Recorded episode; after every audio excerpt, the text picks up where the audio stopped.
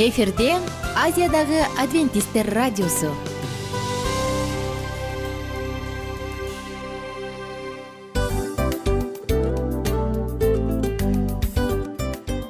Достор салют. Баардык сүйүктүү угармандарыбызга салам айтабыз. Кутман күнүңүздөр менен. Ден соолук өмүрдүн булагы демекчи саламат саамы программасында баарыңыздарды көргөнүбүзгө абдан кубанычтабыз. Анда алгач амандашып өтөлү арбаңыздар деп. Ден соолугуңуздар кандай элибизде көбүнчө ден соолук кандай дегенде эле жакшы деп жооп беребиз э? ооруп турсак дагы жакшы дейбиз. Анан мен муну айтып ойлойт элем бул абдан сонун сөз депчи анткени бул жакшы деген үмүт да э ооба баары жакшы болот. Баары сонун. Деп үмүттөнүп атып эле өзүбүздү өзүбүз дарылап коебуз. Анысы кандай? Сиздин дагы ден соолугуңуз жакшы беш деген үмүттөбүз чындыгында ден соолук бул өмүрдүн булагы деп бекеринен айтылган эмес деп ойлойм. Кыргыз элинде анткени эгерде ден соолук жок болсо анда адамдын жашоосунда калган баардык керектүү маңыздуу нерселер өзүнүн баалуулугун жоготуп коет. Ошондуктан ден соолук бул эң керектүү нерсе. Ооба туура айтасың кесиптешим чынында ден соолугуң жок бир эки үч күн ооруп калсаң эле э кандай болуп калат? Жашоодо көз каранды болуп каласың көп нерсеге жетишпей каласың көп нерсени кыла албай каласың жада калса эшикке дүкөнгө да чыга албай каласың. Туптуура анан ден соолук болсо демек биз биздин бактыбыз тотой деп койсок болот. Анда достор саламат саамы рубрикабызды баштайлы. Алдыда өзүңүзгө керектүү болгон сонун кеңештерди уга аласыздар. Мына ошондуктан биз менен бирге болуңуздар. Ал эми биз болсо милан жана айнура. Кеттик алга. Алга саламат саама ден соолуктун жарчысы. Саламат саама ден соолуктун ачкычы. Күн сайын сиз үчүн мыкты кеңештер сонун жаңылыктар кызыктуу фактылар биздин рубрикада.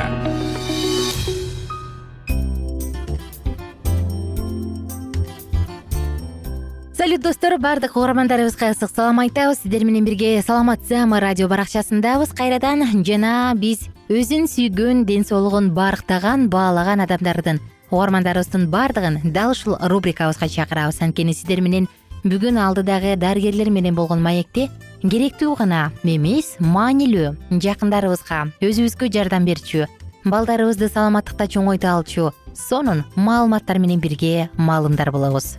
Мына ошондуктан угармандар баарыңыздарды биз менен бирге болууга чакырмакчымын. Анткени бүгүн чындыгында алдыдагы дарыгерлер менен болгон маекте өзүңүзгө керектүү сонун маалыматтарды ала аласыздар. Достор адамда биринчи байлык ден соолук деп бекер айтылган эмес э? Мына ошондуктан биринчи эң керектүү болгон байлык бул биздин сиздин ден соолугуңуз. Үстүңдөгү үч кабат үй алдыңда беш түрлүү машина кымбат баалуу унаалардан эч бир пайда жок. Эгерде ден соолук болбосо. Ошондуктан угармандарыбыздын баардыгына бекем ден соолук каалоо менен бирге биз саатыбызды баштадык алдыдагы маалыматтар сиздер үчүн. Достор эгер суроолор болсо сөзсүз түрдө саламат клуб сайтынын ютуб каналына кирип ал жакка комментарий калтырып суроо жөнөтсөңүз болот. Биз сиздин сурооңузду жоопсуз калтырбайбыз. Жагымдуу мүнөттөрдү бирге тосолу бизде суроо бар мындай дейт. Жаштарда подагра болгону мүмкүнбү дейт болушу мүмкүнбү экен албетте болушу мүмкүн. Бул дегени ошол эмнеден келип чыгат бул заттын алмашуудан мисалы үчүн жана көп салмактуулук деле жаштарыбыз болуп атпайбы толук келгендерчи. Аларда ошол зат алмашуусу азай э, этот э, кыйналгандыктан подаграга дагы алып келиши мүмкүн. Буну кантип билеби эгер бул подаграбы подагра эмес экенин каяктан билебиз? Бул баягы анализибизде мочевой кислота көп көп болгону көппү же көп эмеспи ошол жактан дагы билсек болот да. Андан соң заарабызда дагы ошол соли кристаллов жана мочевой кислота немелер чыгат да. Дагы бизде бар мындай дейт. Менде да варикоз бар эмне кылыш керек дейт ави деген күйөрман бул жерде биринчи иретте сиз терапевтке барышыңыз керек. Терапевт барып сиздин ошол веналарыңызды көрүп эгер чындыгында мындай кеңейген болсо мындай веналары кеңейген мындай көрсөң деле болот да? Байкалат ооба байкалат ооба фиолетовый болуп сыяк көп болуп ооба байкалат. эгер ошондой болсо биринчи иретте сиз ошол кан тамырлардын узисин өтүш керек. Эгер узисинде э, даражаларга бөлүп коет да биринчи даража экинчи үчүнчү даража ошого карап туруп сизди дарылаш керек болот. Жакшы. Эми дагы бир сизге суроом бар. Ошол э, тизелери муундар ооруп аткан учурда көпчүлүгү терапевттерге барат кимдир бирөө таптакыр дагы башка жака барат э. Хирургдарга травматологдорго баргандар бар ортопедке баргандар бар анан ревматологдорго барган бар. Негизи туура кимди көздөй барыш керек биринчи кезекте. Кайсыл адис ушул муундар боюнча адис? Бул жерде абдан туура суроо бердиңиз себеби кээ биркилер баягы мындай туура эмес кесипке баягы профессия башка адиске барып башка адиске барып андан соң туура эмес дарыланып алышы мүмкүн. Ошондуктан биринчи иретте менимче терапевтке барган туура. Себеби терапевт көрүп туруп э, эмне себеп экенин билип туруп мисалы үчүн сиз мага келдиңиз деле мен э, ошол сиздин баягы айткан эмнелер кайсыл жериңиз ооруп атат экен. белгилерин ооба белгилерин баарын билип туруп анализдерге жиберем. Мисалы үчүн эгер бул ревматоидный болуп отурган болсо с реактивный белогуңуз көтөрүлгөн болсо эгер баягы мочевой кислота көтөрүлгөн болсо бул ревматологдун баягы кеңеши керек турбайбы деп мен ошол ревматологко жиберем. Эгер ошол муундарыңыз баягы өзгөрүп баягы сыртынан өзгөрүп мындай кичине бассаңыз эле ооруп кыймылдап баштаганда мисалы үчүн ошондой көрсөткүчтөр болгондо. Балким баягы травматолог ортопедтерге дагы барыш керек. Себеби сиздин баягы өнөкөт э, муун ооруңуз уже баягы кайра калыбына келбей турган формасына да өтүп кетиши мүмкүн. Ошондуктан ал жерде э, травматологдордун жардамы керек болот. Бирок биринчи жол көрсөткүч адам бул терапевт болуп эсептелинет. Жакшы. Эремек мырза сиз бир нече ирет баса белгилеп өтүңүз өнөкөт жана э, Өткүр форма. өткүр форма деп э бул хронический же острый деп айтып коебуз го. Экөөнүн ошо ооруган себептери симптомдору кандай болот?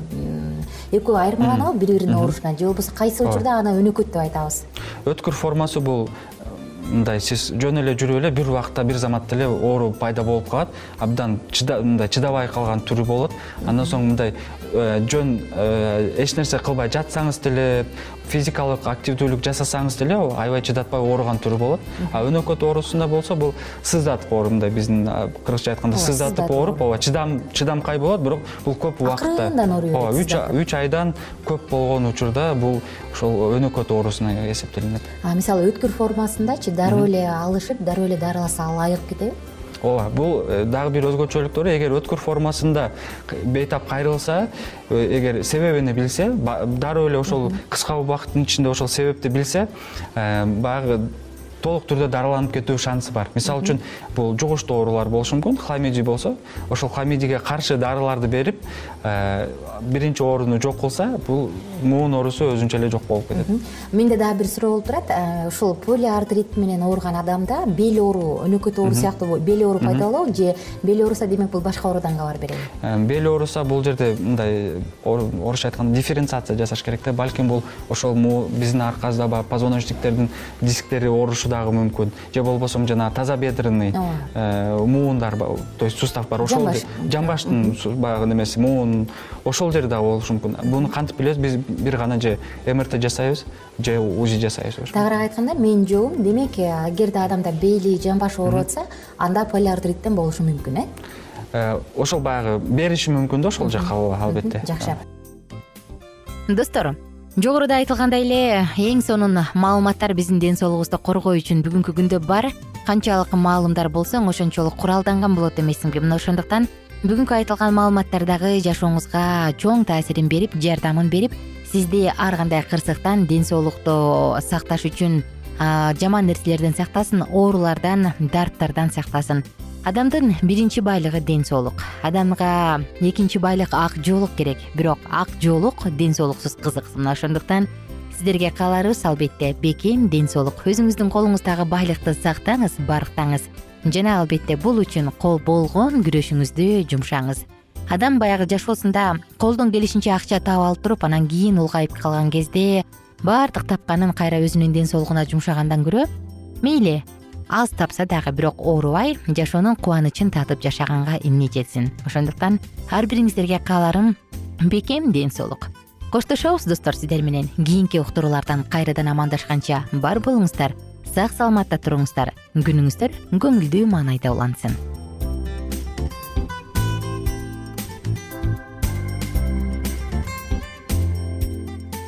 кененирээк маалыматтар үчүн үч w чекит саламат чекит клуб сайтына келип таанышыңыздар. Жана андан тышкары социалдык тармактарда youtube facebook жана instagram баракчаларына катталыңыз. Саламат саама ден соолуктун жарчысы. Саламат саама ден соолуктун ачкычы. Күн сайын сиз үчүн мыкты кеңештер сонун жаңылыктар кызыктуу фактылар. Биздин рубрикада салют замандаштар баарыңыздарга ысык салам. Дил маек программабызга кош келиңиздер. Дил маек рубрикасы дегенде эле бул эмне болгон дил маек ким менен маектешебиз деп сурайт болуш керек угармандарыбыз. Бул рубриканы кыскача тааныштыра кете турган болсок ар тарап кесип ээлеринен болгон сонун интервью кеңештер бар жылдыздар менен болгон маек бар аталарыбыздын агаларыбыздын чоң аталарыбыздан сонун кеңештер бар. Ошондой эле эже сиңдилердин кеңештери бар айтор. Баардык кызыктардын баары алдыда. Негизи эле адам баласы бир кимдир бирөөнө ишенип сырын ачкысы келет эмеспи э мындай баарлашууга жакын келебиз го. Албетте. Негизи бир жерге отуруп алып кенен шашпай баягы жүрөктөн жүрөккө ачып сырларыбызды ар кандай көйгөйлөрүбүз менен бөлүшүп баягы чын жүрөктөн маек курганды кимибиз сүйбөйбүз э? Ооба десең ал нерсеге суусап да келебиз да? Ооба кээ бирде адамга чындыгында баягы э, ысык маек баягы жылуу маек жетишпейт да ошондуктан биз ушул рубриканы ойлоп тапканыбызда эң биринчи эле достор сиздер менен чын жүрөктөн бир маңыздуу темаларды козгоп кеткени э, кааладык. Ошондуктан ушундай сонун бир рубриканы тартуулап жатабыз. Анын үстүнө радио дагы сонун дос да. Анткени э, мындай учурда досуңа айтсаң досуң досуна айтат досу досуна айтат да анан бүт өлкө билип калышы мүмкүн го радио болсо сени сатпаган сенин айыбыңды ачпаган. Сенин сырыңды эч кимге айтпаган сонун дос ошондуктан биздин алдыдагы айта турган кеңештерибизди биздин досторубуздун кеңештерин угуп анан ал жака пикириңизди дагы калтырып кайрадан биз менен байланышсаңыздар болот. Деги эле жашооңузга эгерде кичине болсо дагы өзгөрүү алып моралдык жактан нравовалык жактан сонун бир кеңештерди алсаңыз демек биз максатыбызга жеттик. Ооба. Чыңгыз атабыз улуу жазуучу э, чыңгыз айтматов айткандай адам болуу бул күнүмдүк процесс экен. Күн сайын адам бойдон калуу бул адамзатка эң эле дейт э? э эң кыйын дейт. Чындыгында бунун э, негизинде адамдын эң баягы сапаттуулугу адамдын э, адамгерчилиги жана көптөгөн керектүү нерселер мына ошол темалар дагы бизде э, ушул дил маекте биз аларды да козгойбуз. Э, ден соолук жөнүндө да сүйлөшөбүз. Сөзсүз түрдө. Анан милан мырза негизи айтып коюшат го? Биз көбүнчө эмнени ойлонсок ошол нерсеге карата иш кылабыз го? Ооба. Анан анысы кандай? Балким бул радио баракчада кимдир бирөөнүн оюн текшергенге жардам берет кимдир бирөөнүн жүрөгүн текшергенге жардам берет.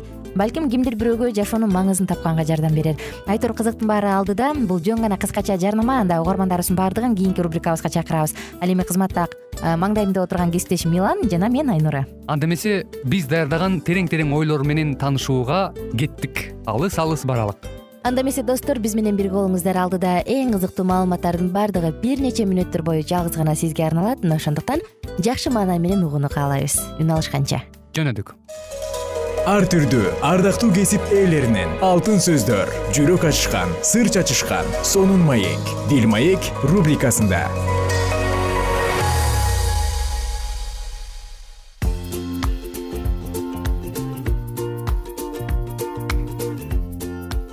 кутмандуу кушубак күнүңүз менен урматтуу угарман кайрадан эле биз сиздер менен дил маек уктуруусунда ободо үн алышып жатабыз кызматыңыздарда мен улан жана ошондой эле менин сүйүктүү татынакай супсулуу болгон кесиптешим айнура саламатсыңбы кандайсың?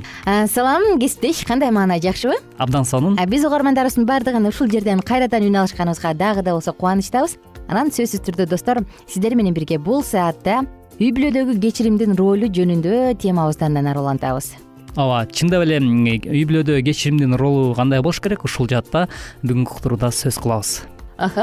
Анда кечирим суроо эмне үчүн маанилүү дегенде биз мурунку уктурууда бир нече сөздөрдү айтканбыз. Анан мен кесиптешимден сурагым келип турат. Кандай кечиримди сага кабыл алуу кыйыныраак болот? Мисалы сенден кечирим суроп атат бирок сага кыйын болуп турат аны кабыл алыш. Кандай учурларда? Менимче негизи э, мындай учурлар баягы айымдар тараптан эмес көбүнчө баягы мырзалар тараптан көп окуялар мырзалардын ортосунда э? Ооба ортосунда болгон конфликт учурда э, көп эле болгон. Мисалы э, мисалы мага кандай жакпайт мисалы бир адам менен бир ишти баштадың дейин да мүмкүн бизнес жаатындабы же кандайдыр бир жаатта иш баштап чогуу жакшынакай эле иш кылып келатып анан көптөгөн мүмкүн бир бири бириңе убадаларды бересиң. Эркек деген бири бир сүйлөйт да мисалы бир айткан сөзүнө эгер турбай Э, жумуш ишке ашып баштагандан кийин э, кандайдыр бир баягы акча ортодо роль ойногондо э, адамдын напсиси бузулуп баштаганда эми беш кол тең эмес да ар бир адам ар кандай ой жүгүртөт анан ошол акчага мындай уже мачырканып баштаганда мурунку сөзүнөн кайтып ошол сөзүнө мындай эркектик убадасына турбай баштаганда менин жашоомдо ушундай нерселер көп болду да ошол биргелешип иштешип баштаганда сөзүнө турбай айткан сөзүн мисалы бир айткан сөзүн кайра мындайча айтканда баягы куулуп кетип деп коет го мындай кыргызча жалпак өзгөрүлгөн адамдарды көргөндө мен ошондо мындай кечирбестик болгон учурлар көп болгон да. Ошондой убакытта мен кечире албаган учурларым болгон. Бирок кийин бара бара баягы убакыт э, орустар айткандай время лечит деп коет го мына убакыт адамды дарылайт экен да. Убакыт менен э, баары бир кечиргенге туура келет да. Кааласаң каалабасаң да кечиресиң дегендей э кечиресиң дегендей ооба абдан сонун мисал айттың чын эле сени бирөө колдонуп жатканын же колдонуп кеткенин же мындай кичинекей баладай алдап кетти деп калабыз го бизчи карасаң алдап кетти депчи. Мени келиси ойлоду деген сыяктуу сөздөрдү көп айтабыз го. Мындай учурда чын эле кечирүү кыйыныраак мага өзгөчө баягы жөн эле убада бере берген адамдар болот го. Ойлонуп ойлонбой элечи. Ооба. Анан аябай убада берип берип берип туруп анан кийин аягында бир аз жагдай өзгөрүп калса же башка бир нерсе көзүнө көрүнүп калса анан баардык убадаларын бербеген сыяктуу сенин сөздөрүңдү укпаган сыяктуу реакция кылгандар болот го ушул учурда мен кечирип таарынбайм деле бирок мен үчүн аябай кыйын болот да. Кантип депчи мындай ооба жүрөктө кандайдыр ордук нерсе калып калат э? бул адам могу адам кечээ эле монтип сүйлөп атпады эле кандайча бүгүн өзгөрүлүп калды. А мен буга ишенип жүрсөм деп мындай кимдир бирөө менин ишениммен тайышын каалабайм да а качан ишенимден тайып кетсе кайра ишениш кыйыныраак болуп калат го. Ушул жаатта мага көбүрөөк кыйыныраак да. Анан кээде дагы мындай жакшы адамдар бар. Негизи эле мен да кечирим сураганды билген адамды азамат деп айтам да. Анткени бул күчтүүлүк. А кээде кечирим сурамак тургай мисалы э мисалы мен чоңмун мен мүдүрүмүн мен эмне кылсам ошону кылам менин үстүмөн эч ким көзөмөлдөйт деген сыяктуу учурда боло турган болсо анда мен айтам мен ойлойм да адамдык сапатынан кечип туруп эле бул баягы өзүнүн жумушуна өзүнүн жумуш ордуна көбүрөөк таянгандар окшойт деп калам да. Ошондуктан чын эле колдонуп колдонуп жатканын сени бирөө алдап жатканын көргөндө кечириш кыйын. Мага да абдан кыйын болот. Топтуура ал эми урматтуу угармандар сизде дагы ушул боюнча кандайдыр бир ой пикир болсо сөзсүз түрдө биздин төмөнкү whatsapp номерибизге өзүңүздүн билдирүүңүздү калтырасыз деген ойдобуз мен ошол үй бүлөлүк жашоодо аз болсо дагы бирок бир нерсесине жолдошума аябай баа берем биз канча урушпайлы канча мен көп сөздөрдү сүйлөбөйүн бирок ал көп сүйлөбөйт да. Таптакыр сүйлөбөгөнгө аракет кылат. Анан кел жай отуруп сүйлөшөлүчү деген нерсени биринчилерден болуп сунуштап калды акыркы учурларда. Анан мага баа мен баа бергеним көңүлүңдү оорутуп алсам эртең көзүңө кантип карайм? дейт дагы. Анан колдон келишинче мындай сөздөрдү айтпаганга аракет кылат да. Азырынча мынтип көңүлүмдү оорутуп бир катуу нерсе айта элек мен ушул нерсесине аябай баа берем да анан өзүнө баягы урушуп талашып бүтүп элдешкенден кийин да аябай айтам да. Сенин ушул сапатың мага абдан жагат мен ушул сендеги ушул сапатты баалайм депчи а мен ойлойм мындайды укканда ал ого бетер андан да жакшы болгонго аракет болуш керек депчи ооба чындап эле кыргыз элинде дагы кесиптешим өзүң айткандай жакшы сөз бар эмеспи? Баягы э, жакшы аял э, жаман эркекти керек болсо хан кылат дейт да. Ал эми жакшы эркекти жаман аял э, мындайча айтканда кул кылат дейт го. Анысыкарындай чындап эле ушул жолдошуңдун буга чейинки кылып келаткан мамилесин баалап сен дагы мындай көтөрмөлөгөнүң чындап эле бул мыкты эрдик десем болот. Анан эркектерге негизи ошол мамиле кылгандачы көп мырзалардан байкайсың э? Алардын жетишкендиктерин суктанып баса белгилөө алар үчүн мындай чоң ийгилик жаратат экенин көрүп таң калып келесиң. Ошондуктан мен угармандарыбыздан да айтат элем эгерде кайсы бир жаатта мындай ийгилик болбой жатса мүмкүн жолдошуңузду мактап көрүңүз деп. Кандай дейсиң? Туптуура чындап эле айымдар сиздердин кулагыңыздарга күмүш сырга бул нерсени дагы сөзсүз түрдө эске алып коебуз деген ойдобуз биз үй бүлөдөгү кечиримдин ролу жөнүндө сөз кылып атабыз. Мүмкүн сенде кошумчалачу тема сөз бардыр. Ооба чындап эле бул кечирим жаатында кечирим ролу абдан чын эле маанилүү. Ошол эле учурда психологдор айтат экен. Э, бири бирин кечирим сурап жаткан учурда эле э, жогоруда буга чейин да программабызда айтып өткөнбүз. Ошол э, кантип кечирим сураш керектин жолдорун изилдөөдө мындай болуш керек дейт да мисалы үчүн сөзсүз түрдө эмне себептен ошол көйгөй болду биринчи алдын ала аныктаган өтө маанилүү дейт. Мисалы эмне себептен э, кечи эмнеге урушуп кеттик? Ооба эмне себептен бири бирибиз менен урушуп кеттик? Ошол эмне деп айтканда ошол сөздөн улам э, конфликт пайда болду. Ошону биринчи тактап дейт. Анан э, демиңизди ичиңизге алып мындай эркек жубай эркек жубай бири бири менен ошол нерсенин алдын ала мындай сүйлөшүүсү өтө маанилүү дейт да. Көп учурда ушул нерсени эске албай эле бизде мындайча айтканда уруш каяктан чыкты баягы. Атаңын башынан чыкты дегендей болот экен да. Туура кээде жөнөкөй эле туура эмес түшүнүп алгандан э? Ооба. Э, туура эмес нерселер келип чыгат абдан жакшы. Чын эле сонун сонун маалымат экен. Биз болсо кесиптеш угармандарыбыз менен коштошчу учурга келдик. Мен ойлоп атам кийинки уктурууда биз э, айтчу маалыматтарыбыздын баарын жыйнап чогултуп айтып туруп ушуну менен бул теманы жыйынтыктайбыз го деп ойлонуп турам. Кандай дейсиң? Ооба сөзсүз түрдө? Анда коштошолу коштошолук урматтуу угармандар кулак төшөгөнүздөр үчүн ыраазычылык билгизебиз. Эмки уктуруудан кезишкенче аман болуңуз. Достор кайрадан амандашканча сак саламатта туруңуздар бар болуңуздар. Ар түрдүү ардактуу кесип ээлеринен алтын сөздөр жүрөк ачышкан сыр чачышкан сонун маек дил маек рубрикасында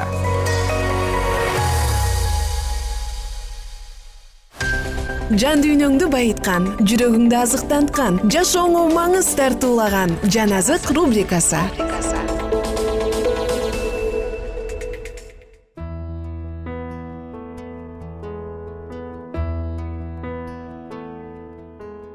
Саламатсыздарбы биздин сүйүктүү досторубуз. Кадырман замандаштар кадырман угармандар жалпыңыздар менен жагымдуу саатыбызды баштап олтурабыз. Жан азык рубрикасына кош келиңиз анткени бүгүн сиздер менен жан азык радио баракчасында. Биздин руханий дүйнөбүздү азыктандырып келечекке болгон үмүтүбүздү жандандырып келечектен үмүт алып кубанабыз шаттанабыз. Анткени бүгүнкү темада дагы достор сиздер менен бирге маанилүү учурду карайбыз. Бир аз эске сала кетсем биздин бул аталышыбыз аян китебиндеги руханий күчтүн булагы деп аталат аян китеби эмне болгон китеп? Аян китеби акыркы учурда эмне болот? Жердин келечегин эмне күтүп турат? Мына ушул жөнүндө пайгамбарчылык кылуучу китеп. Кайдан табам деп кызыктар болуп калган болсоңуз анда инжил китебин табыңыз. Инжил китебинин эң акыркы китеби дал ушул аян китеби буга чейин менин келечегим эмне болот? Мен кайда барам дүйнөнүн акырын эмне күтүп турат? Деген суроолоруңуз бар болгон болсо анда сөзсүз түрдө бүгүнкү теманы калтырбай угуңуз. Биз болсо достор мындан бир нече жылдар кылымдар мурун миңдеген жылдар мурун жаканга патмос аралында аян берилгендигин ал ыйса машаяктын аяны болгондугун айтканбыз. Негизи эмне үчүн жакан баардык азапка моюн байлап баш байлап ал жакка кетти анткени ал ыйсанын тирүү машаяк экендигине ишенген. Билген жана билгет. Бүгүн болсо темабызды андан ары уланталы. Эгерде ыйса чын эле кудай болсо анда ал жашообузду өзгөртө алат. Мүрзө бошпу же жокпу баардыгы ушундан көз каранды. Жакан патмос аралында жүрүп ишенген ыйса чын эле кудайбы баардыгы ошондон көз каранды. Мынакей машаякчылыктын баардык маңызы ушулардан көз каранды. Эгерде ыйса чын эле кудай болсо анда ал бир гана тозоктун кишенин талкалабастан күнөөнүн да кишенин талкалайт. Эгерде ыйса кудай болсо ал биздин жашообузду өзгөртө алат жакан ыйса машаяктын кудай деген ишениминен баш тартканча өлгөнгө даяр болгон. Бир нече кылымдар бою машаякчылар ишеними үчүн куугунтукталып кыйноолорго дуушар болуп келишкен. Адамдар алардын денесин өлтүрсө да алардын ыйса менен болгон мамилесин эч ким талкалай да жок кыла да алган эмес алар бир күнү зындандан түрмөдөн чыгаарына ишенишкен. Анткени тирилген ыйса машаяктын күчүн чынжырлар чынжырлай албайт. Ишенимди чынжыр менен кармоого болбойт. Адамдын рухун да чынжырлаганга болбойт. Тирүү жана сүйүүгө толгон теңирге таянгандардын эрдигин жана кайраттуулугун чынжырлап салууга болбойт мына ушул себептен колизеянын аренасында эркектер жана айымдар арстандар менен жолугушууга даяр болушкан. Мына ушул себептен алар рим императорлорунун урматына фимиям күйгүзүүдөн баш тартышкан.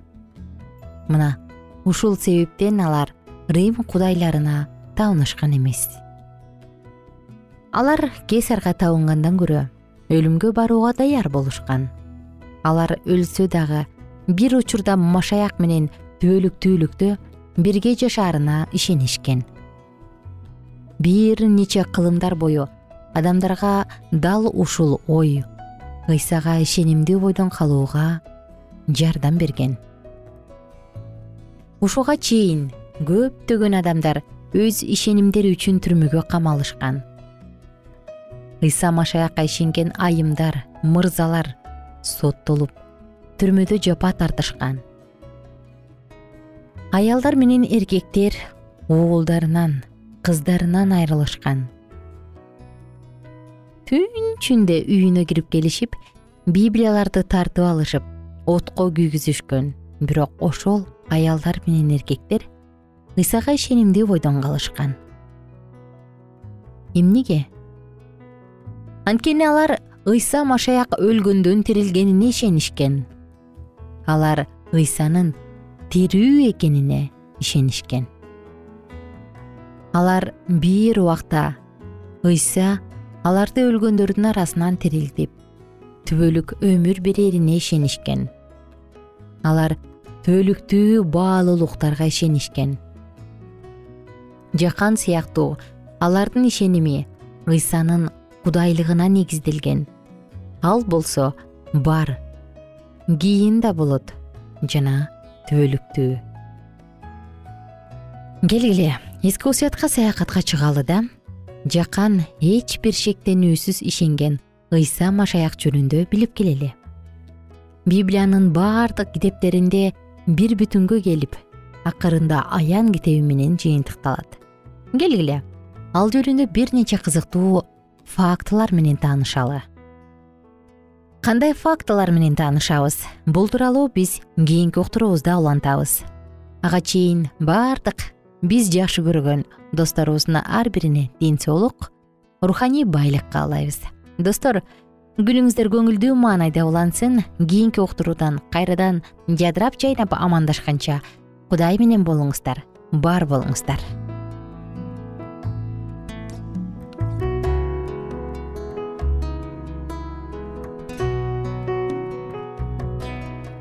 эгер сиздерде суроолор болсо же көбүрөөк маалымат билем десеңиз анда биздин whatsapp номерибизге жазыңыз.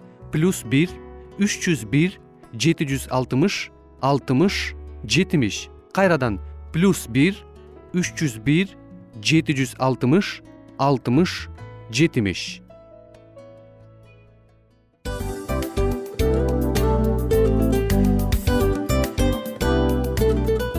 достор биздин радио баракчаларыбыз соңуна келди. Демек бул программабызды дагы жыйынтыктачу учур келдик. Учурга келдик. Анан кесиптешимден сурагым келип турат. Негизи эле иштин башталып атканы кубандырабы сени же жыйынтыгы кубандырабы? Албетте жыйынтыгы. Себеп дегенде сен кылган ишиңдин жыйынтыгын көрүп э, баягы мөмөсүн көрүп дегендей жыргайсың. Жүрөгүң жемишинен кубанычка. тартып кандай даамдуу деп. Баягы буудай сепкенде эмес буудай эгинди жыйнагандан кийин ысык нанды жегенде кадимкидей ырахаттанасың го. Ой айтпа туура айта кеттиң сонун салыштыруу болду анан мен дагы абдан кубанып турам анткени биз угармандарыбыз үчүн аябай эмгектенип келген уктуруубуздун соңуна келип калдык. Анан эми уктуруубуздун соңунда угармандар кандай пайда алып калды экен деп күтүп турам да. Балким э, менин жашоомо өзгөрүү киргизе турган сонун сөздөр болду. Мен ушул нерсени изилдеп анан кабыл албасам ушул нерсени кылбасам деген чечим чыгарсаңыз анда биз абдан кубанычтабыз. Сөзсүз түрдө андыктан кийинки биздин кызыктуу уктурууларыбыздан көрүшкөнчө сак саламатта калыңыздар. Чыдамсыздык менен сиздерди мен милан жана кесиптешим айнура күтөбүз. Баардык угармандарыбызга ийгиликтүү күн каалайбыз. Качан гана болбосун уртуңуздан жылмаюу кетпесин үйүңүздө көмүр жүрөгүңүздө көңүл болсун дейли